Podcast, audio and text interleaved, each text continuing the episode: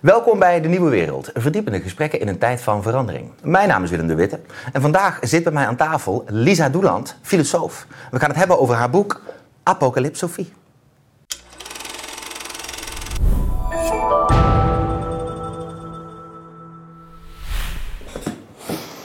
Lisa, van harte welkom. Ja, Leuk dat je er bent. Eerste keer in deze studio volgens mij.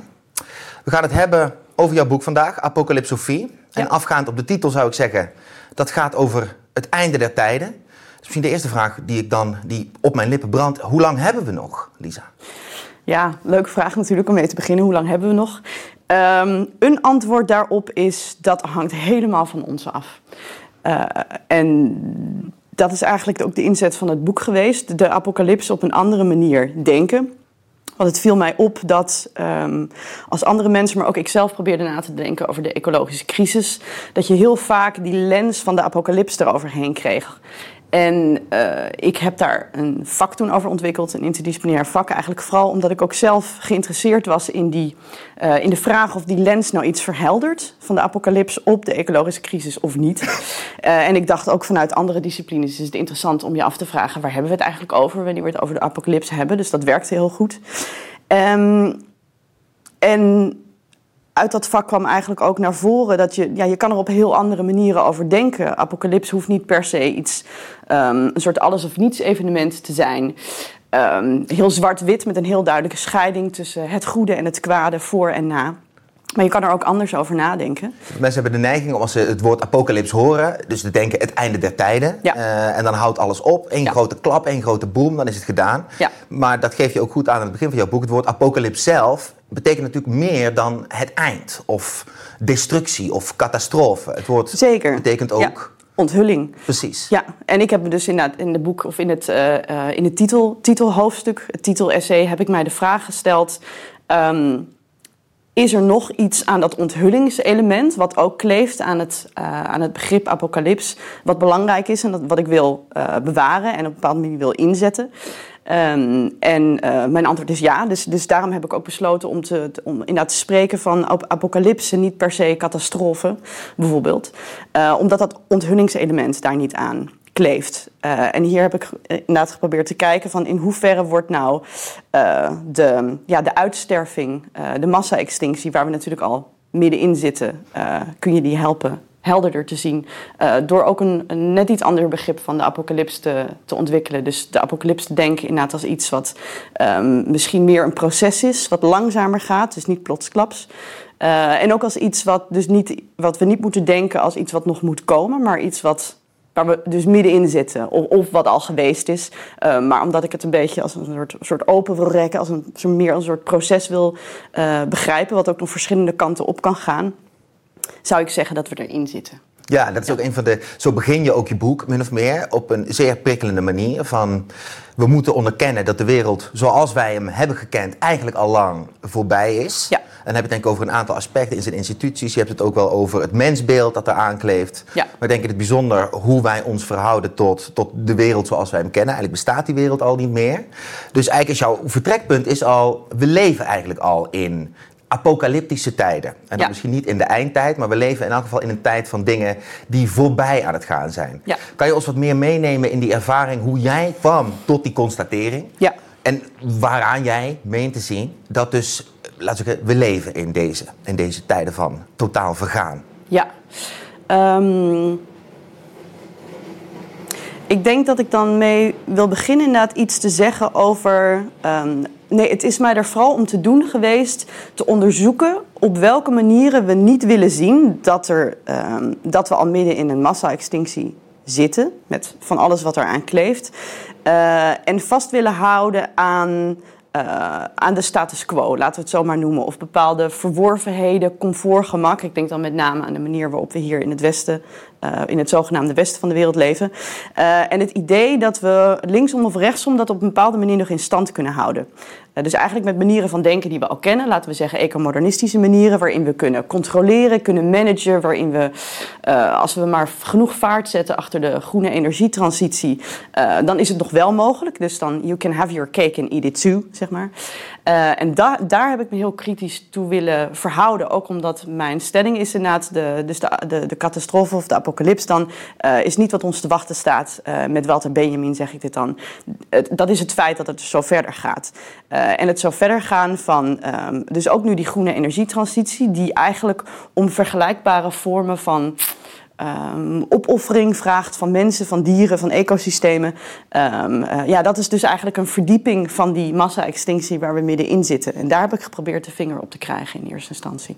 Ja, jij constateert, eh, jij constateert een soort verzet tegen de pijnlijke aspecten van het veranderen van onze wereld op heel veel verschillende manieren. Ik denk ja. dat duidelijk gaat het over. Ja, want we, zien, we zien het overal al. Ja. De, de, de, uh, er sterven mensen in de Middellandse Zee. Uh, er worden overal gebieden totaal uitgeput door de manier waarop landbouw wordt bedreven, door de manier waarop mijnbouw wordt bedreven. Uh, en dat gebeurt en dat wordt alleen maar erger. Dus nu gaan we ook uh, de diepzee, of ja. de zeebodem, hè, die ja. moet er ook aan. Uh, dus, en dan krijg je dus een vergelijkbare, wat ik dan noem, neocoloniale, extractivistische manier van denken. Die eigenlijk, nou, dat is de status quo. Ja. En die zetten we eigenlijk hierin voort. En die maakt het uh, alleen maar erger en die verdiept die crisis alleen maar. Precies, want die pijn wordt dus zelfs in de ideeën van een circulaire economie, van groene ja. groei, van inderdaad de grote energietransitie op technologische uh, leest geschoeid. Dat zijn allemaal manieren eigenlijk voor jou om te zeggen van hier wordt dus weggekeken van de pijn.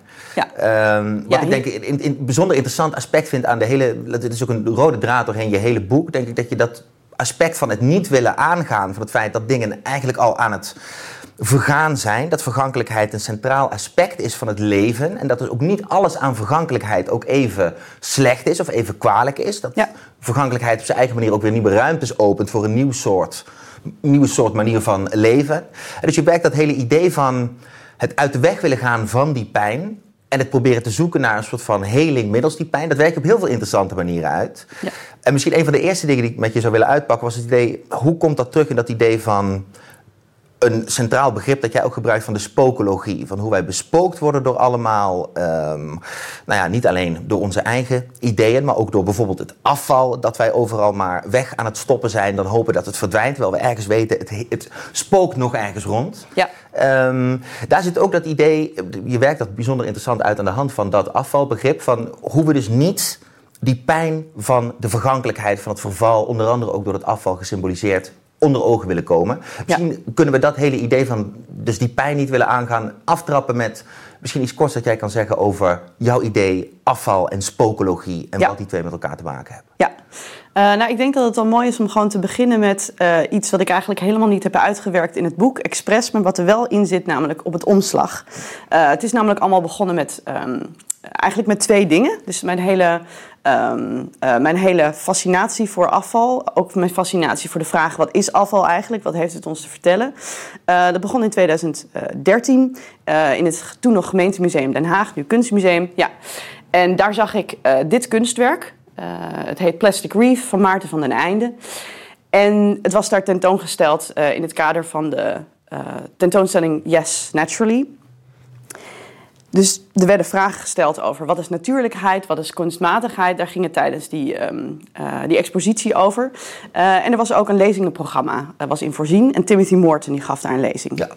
Ik was net, ik denk in de maanden daarvoor, op zijn werk gewezen. Met name één, één artikel, een sustaining, waarin hij het, ja, het beeld schetst of de, misschien het begrip munt. Het is een soort begrip, toch wel een concept, van de ontologische zwanenhals.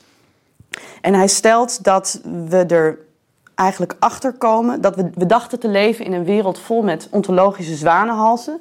Dus alsof er verschillende ja, staten van zijn waren. Dus, dus onze wereld, onze ontologie.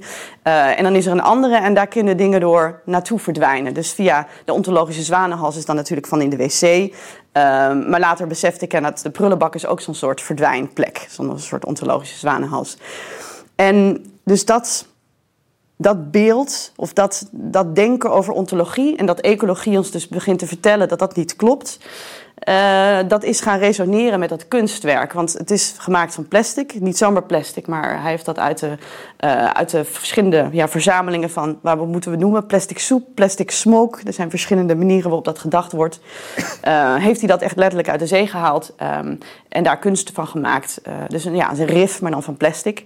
En daarmee heeft hij eigenlijk als kunstenaar gezegd: zie je wel. Het is er toch. Het is er toch, het was er nog steeds. The dus return of the het... repressed. Precies. Met Freud op een bepaalde manier. Ja. Terugkeer van het onderdrukte. We hebben dit eigenlijk naar een andere werkelijkheid, naar een andere werkelijkheid willen verbannen. Ja.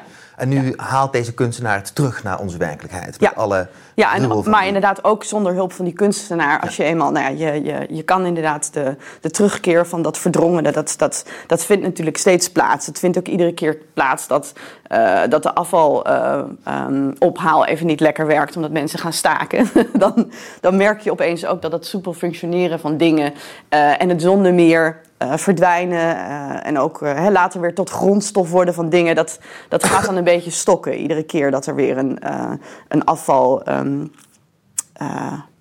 ja, wat is het? In Nederland heb je natuurlijk niet zoveel vuilnisbelten, maar daar waar het opgeslagen wordt, het gaat in de fik. Ja. Het blijft allemaal toch niet zo, het blijft allemaal niet zo makkelijk. nee, het verdwijnt niet. Nee. Het blijft toch echt, het blijft hangen, het ja. spookt nog steeds rond, om toch maar weer die term te gebruiken. Ja.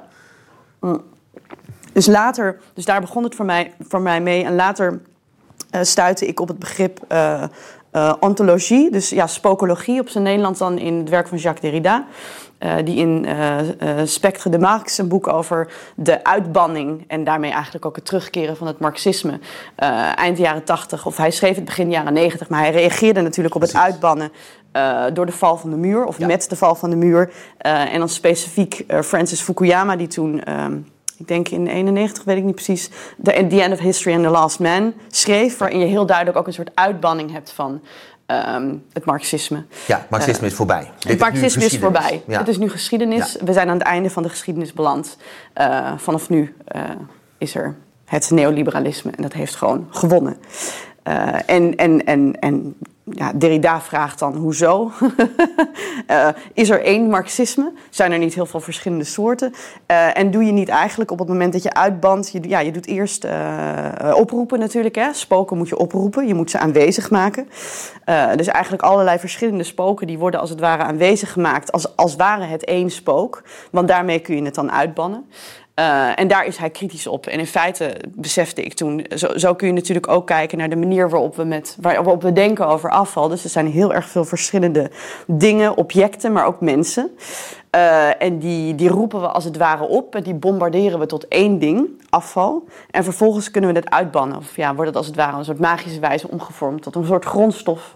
Uh, waar dan weer, nou ja, waardoor het nou ja, weer het soepel functioneren van de dingen die meer in de weg zouden staan. Maar goed, dat is natuurlijk niet zo. Ja, waarin dus ook dat spookelement eigenlijk dus ook weer teniet wordt gedaan. Want nu is het gewoon weer geïntegreerd in de business as usual. Op ogenschijnlijk. Ja, ja, ogenschijnlijk, exact. Ja. Maar dus ook daar zie je een vorm van die pijn uit de weg uh, gaan op een bepaalde nou manier. ja, je gaat het dus niet aan. Kijk, spoken, spoken zijn natuurlijk figuren die gaan over Um, um, er zit iets niet goed. Het gaat over recht, rechtvaardigheid. Um, uh, er is een soort on onopgeloste zaak, unfinished business. Spoken willen ook aandacht. Spoken willen dat je je tot ze verhoudt. Um, dat, je, dat je op een bepaalde manier met ze, met ze praat, in ja. gesprek gaat. Ja. Uh, en dat is natuurlijk niet wat je doet op het moment dat je ze oproept en uitbandt. Dus, dus maakt ook wel een, onderzoek, of een onderscheid eigenlijk tussen verschillende manieren van oproepen. Want op zich, spoken oproepen hoeft niet erg te zijn. Maar dan moet je, moet je ze oproepen om iets met ze aan te gaan. En niet om ze vervolgens uh, uit te, te bannen. Nee, precies. Ja. Hoewel dat misschien tegenintuïtief klinkt. Want ik denk niet veel mensen willen per se uh, denk ik, hun tijd spenderen in het gezelschap van spoken. Maar ja. ergens is jouw punt ook een beetje van het kan ten dele ook niet anders. Die spoken zijn ook een product van precies dat afval dat wij voortdurend de wereld insturen. Dat we dus eigenlijk proberen te verbannen naar een ja. hele andere werkelijkheid. Maar dat zich toch weer telkens blijft. Aan ons op blijft dringen. Uh, aan ons op blijft dringen, dat zeg je inderdaad heel mooi.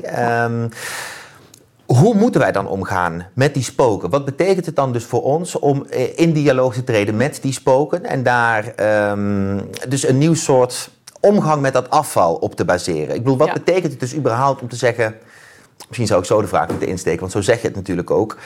Afval maakt onlosmakelijk onderdeel uit van ons leven. En ergens associeer je afval ook met verval, met aftakeling, Ja. tot op zekere hoogte met hè, de noodzakelijkheid van en de absolute zekerheid van het sterven.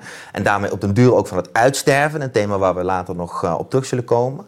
Maar dus dat idee van het is een onlosmakelijk onderdeel van ons leven, dat maakt het dus belangrijk om niet alleen te onderkennen, maar ook te beseffen dat het dus ook levensvoedende aspecten heeft Ja. ergens. Hoe Ja. zie je die connectie nu in relatie tot die spokologie waar we het zo even over hebben? Wat is dus het belang van het aangaan van dat onverteerde, dat onopgeloste? Ja. ehm, nou ja, als je het dus hebt, de, de, de spoken gaan over op een bepaalde manier ook over iets. Er is iets onverteerd. Er is iets niet ehm, gezien. Er is iets niet recht gedaan. Eh, ze kunnen inderdaad letterlijk spo- spoken kunnen niet eh, doorgaan van het leven naar de dood en dan eventueel later weer nieuw leven. Ze zitten er als het ware, ze zitten gevangen. Ze zitten er tussenin. En ehm, in die zin is het ook verbonden met ehm, het specifieke soort afval wat wij tegenwoordig hebben, maken. Eh, allerlei soorten afval die inderdaad, die, zich, die, die dus niet van leven naar dood en opnieuw naar leven kunnen gaan. Ze zijn als het ware niet, niet afbreekbaar, ze voeden niet. Ze, zijn moeilijk te verteren, liggen zwaar op de maag. De maag. Ehm, en, en daar probeer ik vervolgens naar te kijken en ook de vraag te stellen van ja, maar hoe, hoe, oké, hoe, zijn, hoe zijn ze dan allemaal in de wereld gekomen? Want het is dus niet per se dat ik zeg, ehm, eh, het is natuurlijk wel een probleem. Het is een, een probleem dat bepaalde spoken er zijn. Het is ehm, het feit dat er nu overal plastics en microplastics en nanoplastics ehm, rondspoken, dat levert allerlei ehm, problemen op, sterven op. Nou ja, is in die zin ook verbonden aan die massa-extinctie, zou ik zeggen. Maar je kan ook denken aan PFAS. Eh, daar, tegenwoordig is dat, of de laatste weken is dat weer helemaal terug. Ja. Eh, we wisten natuurlijk wel dat het allemaal niet goed was gegaan eh, in, eh, in Dordrecht, in Ja. Gemoer. Ook in Nederland dan, op andere plekken. Nou, maar dat het zo erg was. Ehm, eh, en dat betekent, eh, en het, het, het, het, ja, ik zeg dan toch interessante, maar het is hartstikke pijnlijk. Ehm, met, met, met, met PFAS, eh, ik vraag me nu opeens af, moet ik nou PFAS zeggen? ik vergeet Ik dacht, het ja, steeds. PFAS of PFAS. PFAS. Ja, ik ga gewoon voor. PFAS. Precies, ja. Ik weet het niet precies. Ehm, is dat het, eh, het, het, het, het heet niet voor niets een forever chemical te zijn. Dus het is eh, specifiek inderdaad iets wat zich, eh, het is daar en het, het, het, het verdwijnt niet. Het laat zich niet afbreken. En vervolgens moet je natuurlijk de vraag gaan stellen, ja, hoe kan dat? hoe is het dat daar gekomen? En dan kom, je ook op, dan kom je natuurlijk ook op ethische en op politieke vragen.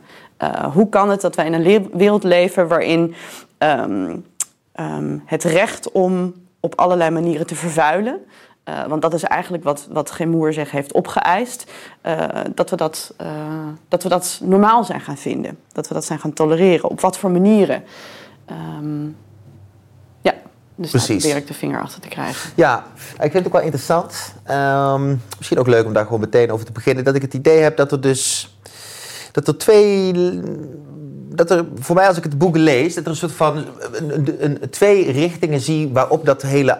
eh, de confrontatie van het afval, confrontatie van die spoken, welke kant dat op kan vallen voor jou. En dat er meerdere ethische lessen te leren zijn daarvan. Ja. Ehm, maar dat het misschien verschillende soorten lessen zijn. Ik vraag me dus af hoe je deze twee nou, in elk geval interpretaties van mij van dit aspect van jouw boek, hoe jij, hoe jij die leest. Want enerzijds heb ik het idee dat je zegt, afval is een onlosmakelijk product van het leven überhaupt. Ehm, en ten dele beschrijf je het in zekere termen ook zo dat het afval heb je ook nodig, want daar zit een, bijna een soort van levenscyclus in, hoewel je dat woord niet gebruikt. Maar hè, wij stoten afval uit, wij hebben allemaal bacteriën in ons, die eten ook zekere gifstoffen binnen onze maag op, maar Ja. ook onze afscheiding, onze uitscheiding en uiteindelijk ook het lichaam dat wij achterlaten. Dat kan ook weer allemaal door micro-organismen op worden gegeten. Dus ergens schets je daar het idee van ons afval is belangrijk, want het voedt ook weer en het wordt weer in een bepaalde cyclus geïncorporeerd. Ja.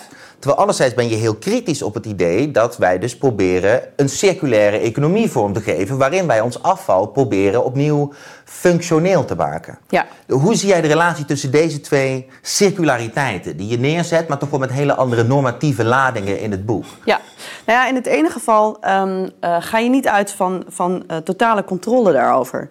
Dus je, ehm, je, geeft, eh, je geeft genereus, zoals ik dat op een gegeven moment heb geprobeerd. ja, eh, het, het, moet voeden. Eh, maar daar zit ook een. Daar, ehm, je geeft het weg. Dus je gaat niet al van tevoren bedenken hoe het dan precies weer heropgepakt zou moeten worden en door wie. Ehm, maar je vraagt je wel af, kan ik me voorstellen dat het enigszins voedt? Uh, dus, dus van, van um, en van plastics weten we toch voedt moeilijk. Nou oké, er zijn inmiddels um, plastic etende schimmels, schimmels en bacteriën natuurlijk ontdekt, maar goed, nog steeds vrij onverteerbaar. Um, maar goed, je, probeert dus zo genereus mogelijk te geven van iets waarvan je denkt, nou, iemand zal er nog wel iets of iemand kan er nog iets mee. Ik weet niet precies hoe, maar um, uh, daarin. Terwijl binnen zo'n circulaire economie um, zoek je heel duidelijk, um, je, wil, je wil de kringloop, je wil hem helemaal rondmaken. Uh, en je wil ook kunnen bepalen wat er precies binnen gaat gebeuren. Dus, dus je gaat er ook van uit um, dat je die controle kan krijgen. Dat er een soort buitenpositie mogelijk is van waaruit jij precies weet hoe de hazen moeten lopen, hoe de kringlopen moeten lopen. En dan komt het helemaal goed. Um, en ten eerste berust dat op een, denk ik, op een begrip van hoe natuur werkt en hoe natuurlijke kringlopen werken die niet klopt. Want in de natuur heb je ook, er zijn altijd dingen dat, dat past net niet helemaal. Dus er zijn altijd restjes die zich niet zonder meer terug uh, laten nemen, maar dat komt dan later wel en op een andere manier en die hadden we niet voorzien. Zo werkt dat in de natuur. Uh, terwijl binnen zo'n circulaire economie uh, moet ik er wel aan toevoegen, er zijn heel veel definities van de circulaire economie en ook heel veel manieren waarop het praktisch wordt gemaakt. Dus ja. er zijn ongetwijfeld, uh, zijn er circulair economische alternatieven of praktijken die meer aansluiten bij wat dat genereuze wat ik ja. net probeer te beschrijven.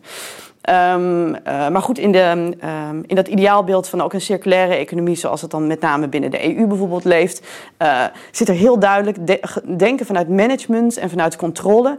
Uh, en ja, en dat, dat is volgens mij heel problematisch. Ook omdat je daar door heel erg de nadruk te leggen op, op, op management, ga je inderdaad ervan uit dat er een soort positie mogelijk is waarvan iets of iemand kan bepalen, of, ja, of mensen, het zijn natuurlijk altijd mensen uh, hoe het precies uh, ingevuld moet worden. Uh, en ik denk dat dat heel gevaarlijk is. Ook, uiteindelijk is het namelijk geen management kwestie. Het is toch ook een politieke kwestie. Um, ja, wie, wie krijgt de. Wie wordt er het, het, het, het best gevoed?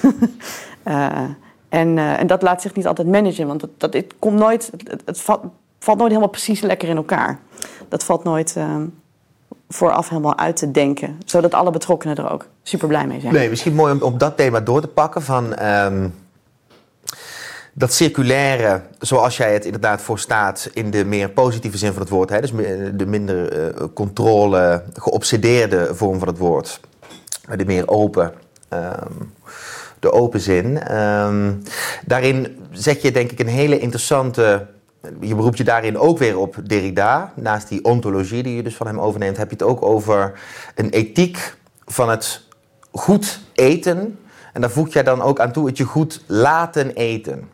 En daar zit ook zo'n idee in van ergens circulariteit. Maar je hebt het dus ook heel erg over de manier waarop je een ethiek kan denken vanuit het idee dat wij niet alleen allemaal voedsel produceren, maar dat wij dus ook allemaal dan afval produceren, maar dat wij daarin zelf ook voedsel worden voor andere wezens. Dat wij zelf allemaal onderdeel uitmaken van zo'n uh, voedselketen. Daar zeker niet uh, aan de top van staan, zoals vaak wel wordt gepresenteerd. Maar wij zijn daar ook een uh, bescheiden op onze eigen manier onderdeel van. En je bouwt dus ook een hele ethiek uit van het, van het ergens eten en gegeten worden. Ja. En ook van het denken van ergens bijna zijn en goed leven überhaupt als een vorm van stofwisselingsproces. Voortdurend interactief proces van geven en nemen. Misschien kan je daar wat meer over, ja. uh, over zeggen. Uh, nou, ik denk dat het goed is om dan ook um, in te gaan. Ik, ik, ik probeer dat te ontwikkelen inderdaad eigenlijk aan de hand van twee... Nou ja, er komen meerdere uh, filosofen voorbij, maar in ieder geval inderdaad Jacques Derrida... die, dat heeft over, die het over goed eten heeft in een, um, in een interview.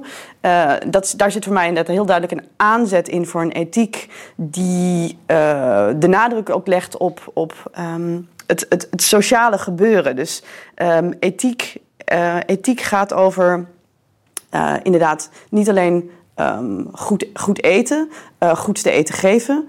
Um, maar dat is ook een, een, sociaal, uh, een sociaal proces waarbij je je ook af moet vragen: wie zitten er allemaal aan tafel? Uh, zitten ze allemaal aan de tafel of zitten ze op de tafel? Wie wordt er eigenlijk gegeten? Um, en daarin is het interessant om ook een verbinding te leggen met Val Plumwood, een Australische filosoof, die voor mijn gevoel iets vergelijkbaars, of ja, die ik ermee verbind, um, uh, die iets vergelijkbaars probeert te doen door de, door de mens als het ware uh, van het voetstuk te halen. En te onderzoeken hoe wij, uh, hoe wij zelf ook onszelf in eetbare termen kunnen en moeten begrijpen. Ook als een soort um, um, basis voor een ethiek. En dat doet zij aan de hand van een ervaring die ze zelf had. ze was. Aan het wandelen in de Outback ergens. Daar was een krokodil. En die krokodil die zag haar en die wilde haar eten. En hierover schrijft zij in een essay uh, The Eye of the Crocodile. Of hij heeft trouwens twee, twee titels. Uh, later is het een keer herschreven. The Eye of the Crocodile of Being Prey. Dus inderdaad, het gaat over het, ja, de, de, de, het oog van de krokodil die haar ziet. Die haar ziet als een, als een lekker hapje, als eetbaar. Uh, en Being Prey, dus het besef van, van prooi zijn. En in dat essay beschrijft Plumwood hoe ze... hoewel ze dus een ecofilosoof ook is, heel erg bezig met deze kwesties. Op dat moment, um, toen ze de blik van de krokodil nou ja, uh, ontmoette, besefte dat ze dacht: hier moet sprake zijn van um, ja, een soort persoonsverwarring. Het kan toch niet zijn dat dit beest mij wil eten? Want ik ben een mens. en mensen, uh, mensen zijn niet eetbaar. Mensen worden toch nou helemaal niet gegeten. En, en dat is voor haar een uitgangspunt voor een reflectie op de, de relatie van de mens en, en, en dienstomgeving. Uh, waarin uh, inderdaad het hoofdpunt is, we moeten onszelf weer meer in eetbare termen uh, begrijpen. Dus niet alleen eetbaar voor krokodillen of voor leeuwen, grote roofdieren. ook door micro-organismen. Um, um, en ook de vraag stellen, ja, hoe kunnen we na ons leven en tijdens ons leven een beetje goed voeden. Want daar gaat het toch om, eten en gegeten worden. Uh, dus ja, je ziet inderdaad een soort uh, ontologie die ons verwijst naar de ecologie. Uh, raakt verbonden met een, met een ethiek en misschien ook wel met een politiek. en dat vond ik heel spannend om dat te proberen te doordenken. Dus wat betekent het als je het jezelf in eetbare termen begrijpen centraal stelt in je, in je ethiek? En wat betekent dat dan dus? Wat, wat, wat voor nieuwe verhouding tot de wereld Ga, in wat voor nieuwe verhouding tot de wereld kom je dan te staan op dat moment? Um, je, komt, uh, je raakt meer je bewust van, van, van afhankelijkheid, hmm. van de, ja, verknooptheid met de omgeving, kwetsbaarheid. Uh, de manier waarop je die omgeving ook uh, kan verpesten, dus niet voeden, kapot maken. wat dat betekent, dus niet alleen voor jou, maar ook voor anderen. En het, ja, je merkt nu ook, het, het, ja, dat terugkeren zit er weer in. Hè? Dus dat, dat vast, dat, dat vergiftigt de omgeving. Maar het keert ook weer terug bij de mensen die het. Um, die, die erbij betrokken zijn. Nou ja, goed, ik, ik bedenk me nu. Uh, volgens mij zeg ik dan iets heel problematisch. Want natuurlijk, de mensen die in voorheen Dupont, uh, later Gemoer daarmee werkten, die zijn natuurlijk ook, die waren ook de Sjaak. En die wisten ook niet alles. Ja. Uh, die wisten waarschijnlijk zelfs helemaal niks. Dat zie je ook in die documentaire van Zembla. Um, die, die, die zijn er nu zelf ziek van geworden. Uh, maar goed, er zijn mensen uh, geweest en die wisten ervan. Um, en dat is, ja, dat is die omgeving ingecijpeld. En het, het, uh, het druk je dus ook met het neus op de feiten. Wij zijn ecologische wezens. Wij kunnen onszelf ondanks al onze technische snufjes en controledrang en managementdrang, kunnen we ons hier niet um, aan onttrekken van redden van het feit dat dat PFAS er nu is vast en dat het niet meer, niet meer weggaat. Ja, wat interessant is dat, ik zin speelde daar eerst al even op, en hoewel je dat nooit echt expliciet adresseert, uh, richt je ergens ook je pijlen op een bepaald soort mensbeeld dat nu dominant is. En een mensbeeld dat gaat over nou, het rationele individu, ja. dat met zijn eigen rationele overwegingen ook zijn handen op, handelen op een bepaalde manier uh, bepaalt. Doelgericht, effectief, efficiënt, ja. vrij, um, individueel.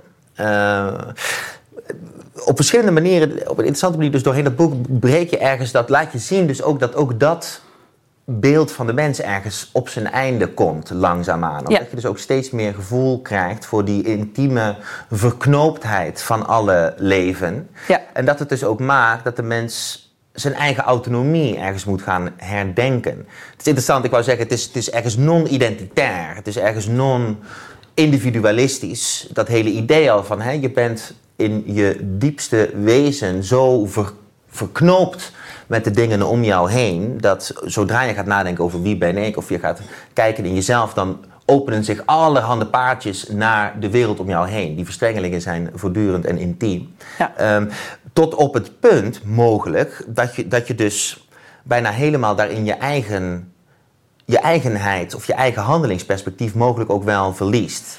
Je had het net al even over die politieke lijn die er ook in zit. En op een zeker moment spreek je dus ook over de, het belang van het denken van een vorm van verantwoordelijkheid zonder autonomie. Hoe zou dat er dan dus uitzien? Hoe kan zoiets eruit zien? Het denken van een vorm van verantwoordelijkheid, wat je zou associëren met dus iets wat je zelf moet nemen, wat een bewust wezen op zich moet nemen op een bepaalde manier. Maar dus ook het idee, nou ja, dus dat jouw, dat jouw individuele verantwoordelijkheid eigenlijk altijd gestoeld is op dat gedragen worden door die verdere omgeving. En misschien dus ook heel beperkt maar kan zijn. Nou, ja, ehm, kijk, het eerste waar ik nu aan denk, een belangrijk inzicht, wat denk ik heel veel Um, heel veel denkers hebben, die ik ook behandel in het boek, is inderdaad zorg voor je omgeving, is ook zorg voor jezelf.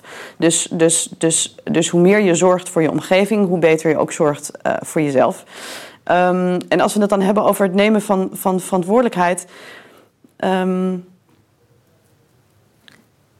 je kan het, het, is moeilijk, het is moeilijk om het, helemaal, uh, om het helemaal goed te doen. Dat is in ieder geval iets wat ik heb geprobeerd uh, uit te werken. Zeker als de, dat nemen van verantwoordelijkheid voor het beter proberen te doen voor de wereld heel duidelijk um, uh, verknoopt raakt met het individu. Overigens iets waar bepaalde partijen ook belang aan hebben. Als we het. Um, um, dus de individu, uh, het individu moet dan. Dat hele idee van een beter milieu begint bij jezelf. Waar bijvoorbeeld Jaap Tielbeke, journalist bij de Groene Amsterdammer, en die daar een boek over schreef, ook heel duidelijk de, de vinger op legde. Uh, dat is heel problematisch als we heel duidelijk verantwoordelijkheden gaan leggen bij het individu, die het allemaal, allemaal maar op moet lossen. En die ook het gevoel heeft, ja, maar wat heb ik nou in de melk te brokkelen? Wat kan ik nou eigenlijk doen? Ja, oké, ik kan wel. Um, uh, ik kan wel geen vlees meer eten of geen melkproducten, maar anderen doen het nog wel. Dus je gaat je daar heel snel machteloos uh, in voelen. Dus dat is een heel. Um, en dat is natuurlijk ook een hele beperkte opvatting van verantwoordelijkheid nemen. En wat ik eigenlijk probeer te doen, is dan ja, de aandacht te verleggen naar maar het zijn. Um, er zijn ziekmakende gehelen die in stand worden gehouden. En die, waar wij wel of niet een rol in hebben in de instandhouding van die systemen. En ik probeer denk ik de verantwoordelijkheid meer van daaruit te denken. Dus um, dat betekent niet dat je individueel helemaal niet, dat het er niets meer toe doet uh, hoe jij leeft en of jij wel of niet vlees eet en op vakantie gaat naar de Malediven. Dat doet er wel toe. Um, maar als je uiteindelijk gaat kijken naar hoe zorgen we nou dat die ziekmakende gehelen veranderen, uh, dan zul je op een andere manier verantwoordelijkheid moeten nemen. Um, en dat kan door, door zelf de manier waarop je uh, leeft of werkt op een andere manier in te delen. Maar het kan ook zijn door, door politiek actief te worden en te bedenken: dit is een ziekmakend geheel. Uh, hier kan ik mij als burger binnen een collectief uh, uh, kan ik hier een verantwoordelijkheid in nemen en daar iets proberen te veranderen. Ja, precies. Jezelf inderdaad onderdeel maken van grotere sociale ja. verbanden en een soort ja. overgaan tot een vorm van collectieve actie. Ja. Is, dat ook, is dat ook wat. Volgens mij is het Derrida het citaat dat je letterlijk daar aanhaalt ook weer. Dat het, hè, dus, dus het denken van verantwoordelijkheid zonder autonomie. Hoe ziet zonder autonomie daaruit? Wat, wat, wat is dat? Want zoals je het nu beschrijft, dan heb je nog steeds heel veel van je eigen autonomie. Ja. Misschien ook uitleggen waarom ik dat een interessante vraag vind. Omdat ik denk, dit speelt denk ik heel erg onder mensen. Ergens het, het gevoel van, ikzelf kan maar zoveel doen. Maar ik ja. voel wel alsof er een wereld is die groter is dan ik.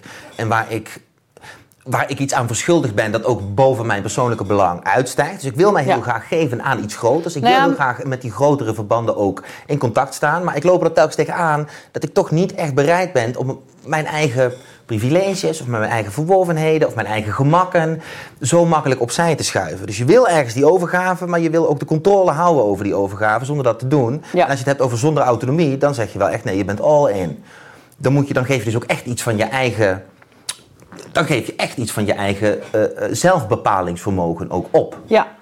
Um, nou ja, ik denk, ik denk dat dat op zekere hoogte. Kijk, het punt is, ik wil niet, ik wil niet verantwoordelijkheid uh, de deur uit, de deur wijzen. Ik denk dat, dat het voelen van verantwoordelijkheid heel belangrijk is. Maar als we het nou koppelen uh, aan autonomie, ik moet nu denken, dat, dat werk ik helemaal niet uit in dit boek, maar autonomos gaat natuurlijk over hè, autonomos, jezelf de wet stellen. Zelf, ja. um, um, hier zit Um, hier zit dus heel duidelijk het idee in: ik kan zelf de, de, de, wet stellen, maar ook voor mezelf. En dan volg ik die zelf. Uh, nou, dat is allemaal heel erg leuk en aardig. Maar als anderen dat niet op dezelfde manier doen, waar kom je dan, uh, waar kom je dan eigenlijk? Dus misschien ben ik wel meer geïnteresseerd in, in samen de wet stellen. Hm. Ja, ik hm. weet even niet hoe je dat dan mooi uit moet drukken. Um, uh, dus het, het, het, samen proberen de, de, de wet te stellen, ook omdat ik er niet van uitga dat, um, uh, dat we ieder voor zich uh, nou zo duidelijk hebben wat nou het beste is om te doen. je kan daar bepaalde ideeën over ontwikkelen, iemand anders doet het ook weer. En ik denk dat het heel belangrijk is om dan samen te gaan kijken kunnen we daar iets mee of, of, kunnen we daar niks mee? En te beseffen dat dat, uh, dat waar je mee komt, um, dat je daarmee misschien anderen weer um, tekort doet, uitsluit, in het gedrang komen. Um, en daarom is denk ik dat dat proces heel erg belangrijk is. Ik zat te denken, er was nog iets wat ik hier over dat autonomie wilde vertellen. nou ja, het gaat natuurlijk weer ook uit van een heel duidelijk ja, een, een, individu wat, wat losgedacht kan worden van de omgeving. Ja. En ook losgedacht kan worden van uh, het overgeleverd uh, zijn daaraan. Um, de afhankelijkheid en de kwetsbaarheid. En ik denk dat het, uh, de autonomie moet ik ook meteen denken inderdaad weer aan ja, het idee dat je dus de controle op een bepaalde manier kan krijgen. en dat is volgens mij nu, nu precies het probleem. Inderdaad, zo'n de andere post, de mens, die ergens boven kan staan, een overzicht kan hebben, kan bepalen welke kant we op moeten. En die kant gaan we dan op. Ja, um, meer een soort is... socionomie. Ja, laten we het zo noemen. Gemeenschappelijk, inderdaad. De gemeenschap geeft zichzelf de wet. Ja.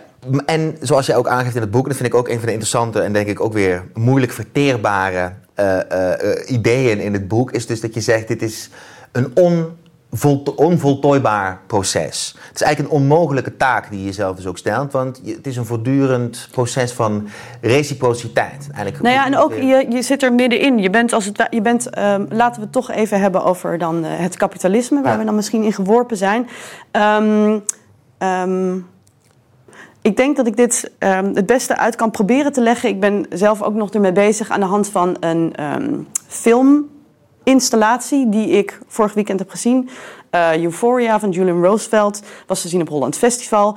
En dat is een installatie, of ja, een film eigenlijk van twee uur, maar in een loop. Dus je komt als bezoeker gewoon eens in de 10 of 20 minuten, geloof ik, komen er tien mensen bij. En die mogen dan, uh, die gaan daar ergens zitten en kijken. En op een gegeven moment merk je, hé, hey, de twee uur zijn volbracht en ik verdwijn weer uh, die zaal uit en je gaat weer weg. En die vorm vond ik interessant. Ook omdat ik dacht, ja, je bent. En hij gaat vervolgens allerlei scènes. In allerlei scènes wordt je als het ware iets verteld over. Um, het systeem waar we ons in bevinden, hoe we daar zelf uh, onderdeel van zijn, hoe we daar het slachtoffer van zijn, hoe we daar de dader in zijn. Op allerlei manieren komt dat daar terug. Maar dat idee, je, je valt er gewoon middenin, je weet het ook niet precies, je bent eraan onderhevig en vervolgens moet je je daar proberen een weg in te vinden. Wat hoe verhoud ik mij hier nou toe? Wat vind ik hiervan? In hoeverre ben ik dit inderdaad zelf uh, aan het reproduceren? Of in hoeverre ben ik, probeer ik iets te doen wat, uh, wat van, ja, een vorm van verzet, zand in de machine als het ware. Uh, lukt dat ook? kan ik het zo doen? Kan ik het zo doen? Um, dat vond ik een heel spannende. Dus dat vond ik een heel spannende voorstelling. Ook omdat het begon van als het ware geworpen zijn in dat systeem. En dat ik dacht, ja, dit is voor mijzelf, en dat zit ook denk ik wel een beetje in het boek, ook een proces geweest van begrijpen, wat is er nou eigenlijk gaande en wat is nou eigenlijk mijn rol hierin? Um, want daar begon het ook eigenlijk mee, wat ik beschreef inderdaad met dat, met dat kunstwerk en van Morten. Het begon voor mij allemaal met de vraag, hoe verhoud ik me eigenlijk tot de ecologische uh, crisis. Ik noemde dat toen nog klimaatverandering. Ja. Uh, en ik, ik, had toen net een, uh, een scriptie geschreven voor mijn studie literatuurwetenschap over de rol van de detective. Dus daar vertrok ik eigenlijk van uit. Van ja, ik, ik ben zelf inderdaad een soort detective die er dan achter komt. gaandeweg een soort film noir detective. Dus van ja, shit, ik heb misschien zelf wel de misdaad gepleegd. Of het is eigenlijk niet helemaal duidelijk wat de misdaad nou is. Of de manier waarop we over de misdaad denken verheldert weer, verdoezelt weer dingen. Dat, Dus daar, daar vertrok ik vanuit. Dus de detective is inmiddels ver te zoeken. Ja, of ze zijn um, allemaal schuldig. Of zo'n soort, dat, dat Agatha Christie, wat is het ook alweer, die, um, op die boot, is dat niet zo? Dan komen ze er op een gegeven moment achter dat ze eigenlijk allemaal wel een rol hebben. Allemaal. In de dood van... Ja, ja, maar van daaruit zou ik dan toch wel weer uh, van ja, maar, maar niet allemaal op dezelfde nee, manier. Exact, ja, ja, ja, ja. Uh, want dat is natuurlijk een groot gevaar en iets wat um, uh, bedrijven als Shell en ik weet niet of Tata Steel het ook echt doet, maar met name die oliebedrijven, die hebben natuurlijk op een gegeven moment bedacht binnen de marketingafdelingen, in ieder geval zo stel ik me dat voor, van hè, hoe, kunnen we, hoe kunnen we hier zo lang mogelijk mee doorgaan als we mensen nou allemaal maar het gevoel geven dat ze zelf echt onderdeel zijn van het probleem en de instandhouding. Uh, en ze voelen zich daar een beetje schuldig over, dan, uh, dan uh, houden ze zich zo min mogelijk bezig met het feit dat wij natuurlijk de, de, de grootste verantwoordelijkheid weer dragen. Ja. ja.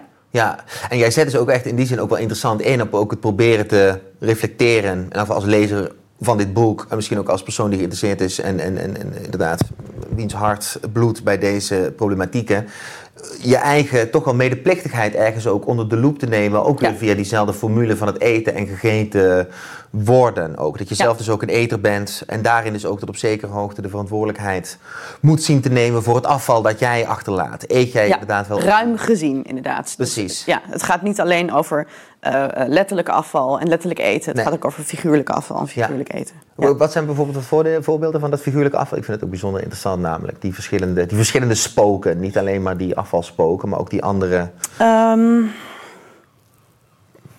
nou, misschien toch ook wel de manier waarop je dan, uh, in mijn geval, filosofie gaat bedrijven. Mhm.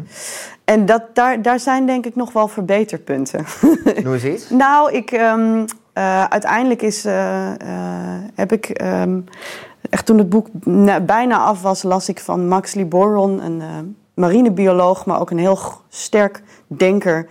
Um, las ik het boek Pollution is Colonialism, mhm. dus vervuiling is kolonialisme.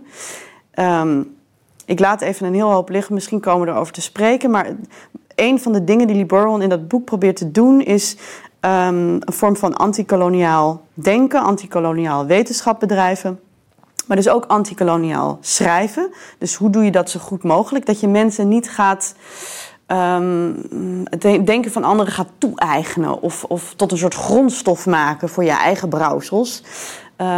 Maar dat je daarin ook, nou ja, uh, recht doet aan anderen, gevoel voor de verhoudingen. Dat je echt vanuit um, verbinding, samen, voeden of zo werkt.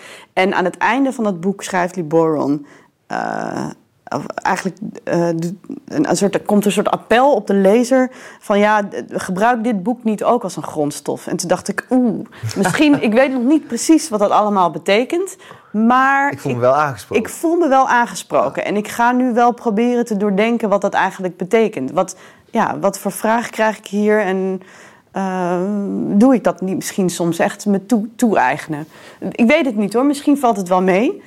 Um, ik denk inderdaad dat een van de redenen dat Derrida als filosoof mij zo enorm aanspreekt, is dat hij heel veel ruimte laat voor uh, in, zijn, in zijn werk, in, in de, de, de begrippen die hij munt, voor ja, dus niet zozeer toe-eigenen, maar ik, ik, ik heb het als voedsel ervaren. Dus er zit heel veel ruimte in.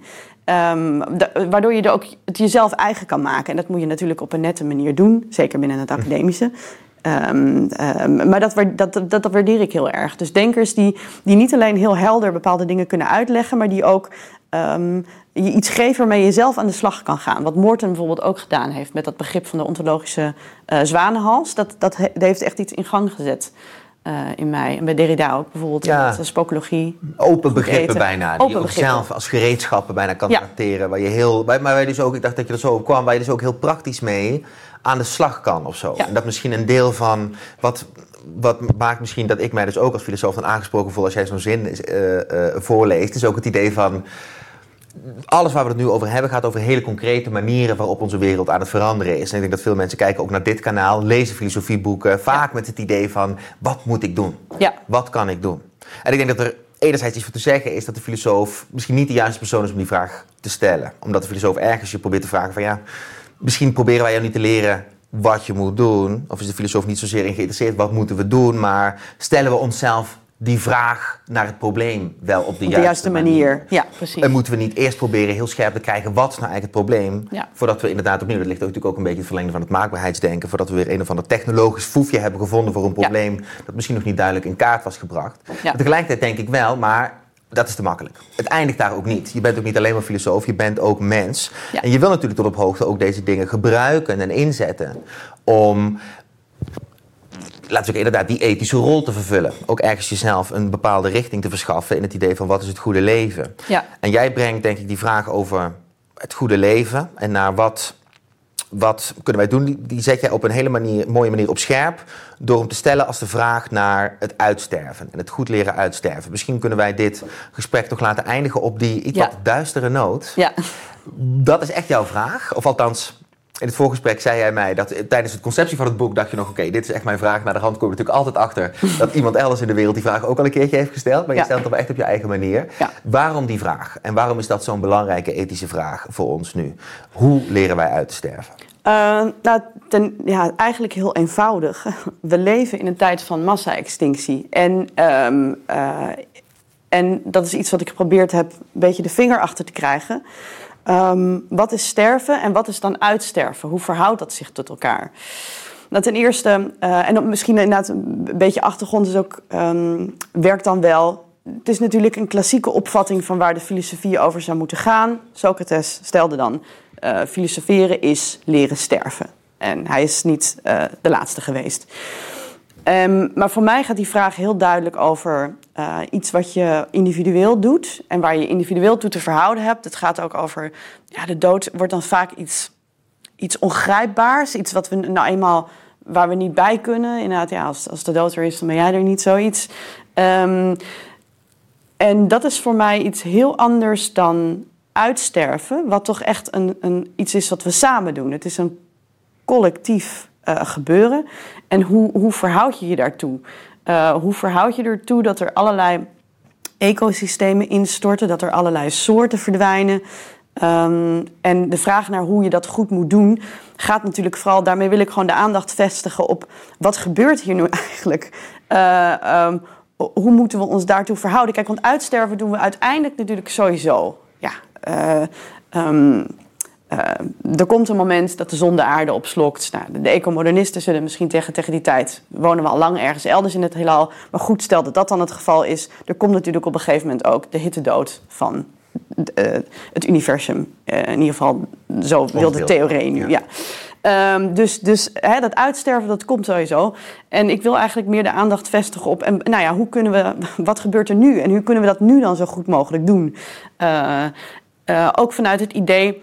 Um, en dit vind ik wel mooi. René ten Bos die schreef een paar jaar geleden natuurlijk dat boek Extinctie. Mm. En één ding wat iedere keer bij mij is blijven hangen daarvan. Uitsterven zegt hij is een rommelig ding. Of extinctie zegt hij is een rommelig ding. En um, later besefte ik inderdaad, ja, ik ben me eigenlijk af gaan vragen van oké, okay, als het dus een rommelig ding is, ja, hoe doe je dat dan, hoe doe je dat dan ook zo, uh, hoe doe je dat dan zo goed mogelijk? Um, uh, dat, dat aanrommelen. Want er zijn natuurlijk manieren van aanrommelen waardoor, je het, um, waardoor, het, waardoor er meer lijden is, uh, waardoor het sneller gaat, uh, waardoor het minder goed gaat. en er zijn manieren van uitsterven die, die beter zijn, denk ik. En dat is volgens mij de vraag waarvoor we ons nu gesteld zien. En, en waarvan ik dan heb me, heb afgevraagd, wat heb, je dan, wat heb ik daar als filosoof of wat heeft daar de filosofie ons in te vertellen? Um, en in die zin is dus inderdaad de vraag naar het uitsterven een andere vraag dan de vraag naar het sterven. Precies. Ja. En heeft er daar dus ook iets mee te maken? En als ik dat inderdaad voor mezelf die vraag door me heen probeer te laten gaan. En misschien ook in relatie tot dat, tot dat cyclische denken waar het eerder over ging. Maar natuurlijk he, veel van de. Veel van de, veel van de ethiek, zou je kunnen zeggen. Veel van de ethische vragen gaan over de vraag van, inderdaad toch wel denk ik het leren leven. Het bereiken van een bepaalde pinnacle in je leven. Daar terechtkomen. En misschien als je dan daar bent, dan heb je ook voor jezelf de kwaliteiten en de concrete verworvenheden gewonnen. Om, laten we zeggen, dat proces van aftakeling ook wel uit te zetten. Zonder je daar al te veel vragen over te hoeven stellen. Maar misschien ook in deze periode van vergrijzing. Je zou kunnen zeggen dat op veel verschillende manieren is aftakeling wordt ook een langdradige proces. En vooral met het type complexe technologie dat wij de wereld in hebben. Dus dingen verdwijnen ook steeds langzamer. Blijven voor eeuwen rondspoken. Om ja. datzelfde woord op te pakken. Dus heeft het ook iets te maken met het denken van je uitsterven? Sterven, is ook het denken van je eigen afbreekbaarheid. Ook meer gaan nadenken over hoe. Precies, dus wat je achterlaat en hoe je dat ook kan achterlaten op een manier dat het ook doorgegeven zal worden. Dat je ja. daar meer rekening mee houdt. Ja, nou ja, dit is, uh, ja, uh, dank nog voor deze vraag. Want het verschil natuurlijk ook tussen, tussen sterven en uitsterven is dat, um, kijk, als ik sterf, dan leven als het goed is mijn kinderen nog en andere mensen um, die ik gekend heb. Of nou ja, misschien dat het boek nog een beetje doorleeft. Of et cetera. Dus er, er, is iets, er wordt op een bepaalde manier iets uh, doorgegeven. Dus er is een, ja, van voortleven is nog sprake.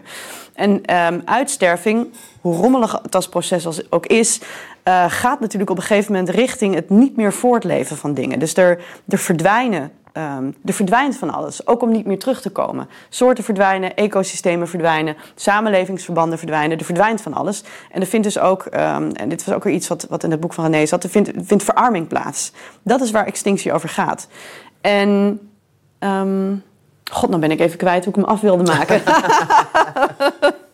Je kan ik even want ik wilde ook inderdaad richting de afronding gaan en ook te zeggen van er zit ook veel meer in het boek dan wij hier mogelijk zouden kunnen adresseren. Het is niet een heel dik boek, maar het is een ongelooflijk, uh, inderdaad zoals ik zeg, rijk boek. Er worden heel veel filosofen in aangehaald. Ik denk ook de literatuurlijst alleen al is een tractatie voor mensen die geïnteresseerd zijn in deze thematiek. Maar je weet ook denk ik op een hele mooie, uh, samengepakte manier heel veel deelaspecten van deze bredere problematiek. Denk zeker niet alleen van klimaatverandering of zo, van dergelijke dingen, maar precies dat idee van hoe de ecosystemen zoals we ze kennen, het leven zoals we het kennen, met alle inderdaad, uitstervingen van die, die massa-extinctie, zoals je het een aantal keer noemde. Hè. Dus daar zet je ook het bijzonder op in. Onze wereld is overal al aan het verdwijnen. Ja. Onze verhouding daartoe speelt daar een belangrijke rol in. We hebben het gehad een beetje over politieke aspecten en economische aspecten, ethische aspecten. Maar er zit ook, denk ik, een heel interessant. Uh, ik vond het ook om inzicht te krijgen in mijn eigen psyche. En mijn verhouding tot deze thema's. Ik vond er ook veel herkenning in. Want je ziet ook veel van je eigen afweermechanismen. Dus opnieuw, voor mensen die hierin geïnteresseerd zijn, zou ik zeggen: pak het zeker op. Want er is veel van te leren. Je kan denk ik vanuit dit boek ook weer heel veel mooie aanknopingspunten punten vinden voor, uh, voor verdere verdieping en andere literatuur. Um, voor nu zou ik gewoon willen zeggen, hartelijk dank voor het gesprek, Lisa. Um, we zetten de link voor je boek ook zeker in de beschrijving. Dus als je het wil lezen, kijk dan vooral even in die beschrijving, want dan zie je daar hoe je het kan vinden. Um, in die beschrijving staat natuurlijk ook, zoals altijd, een link naar onze eigen petje af. Waar jij ons voor een klein bedrag per maand kan steunen om meer van dit soort verdiepende gesprekken ook mogelijk te maken.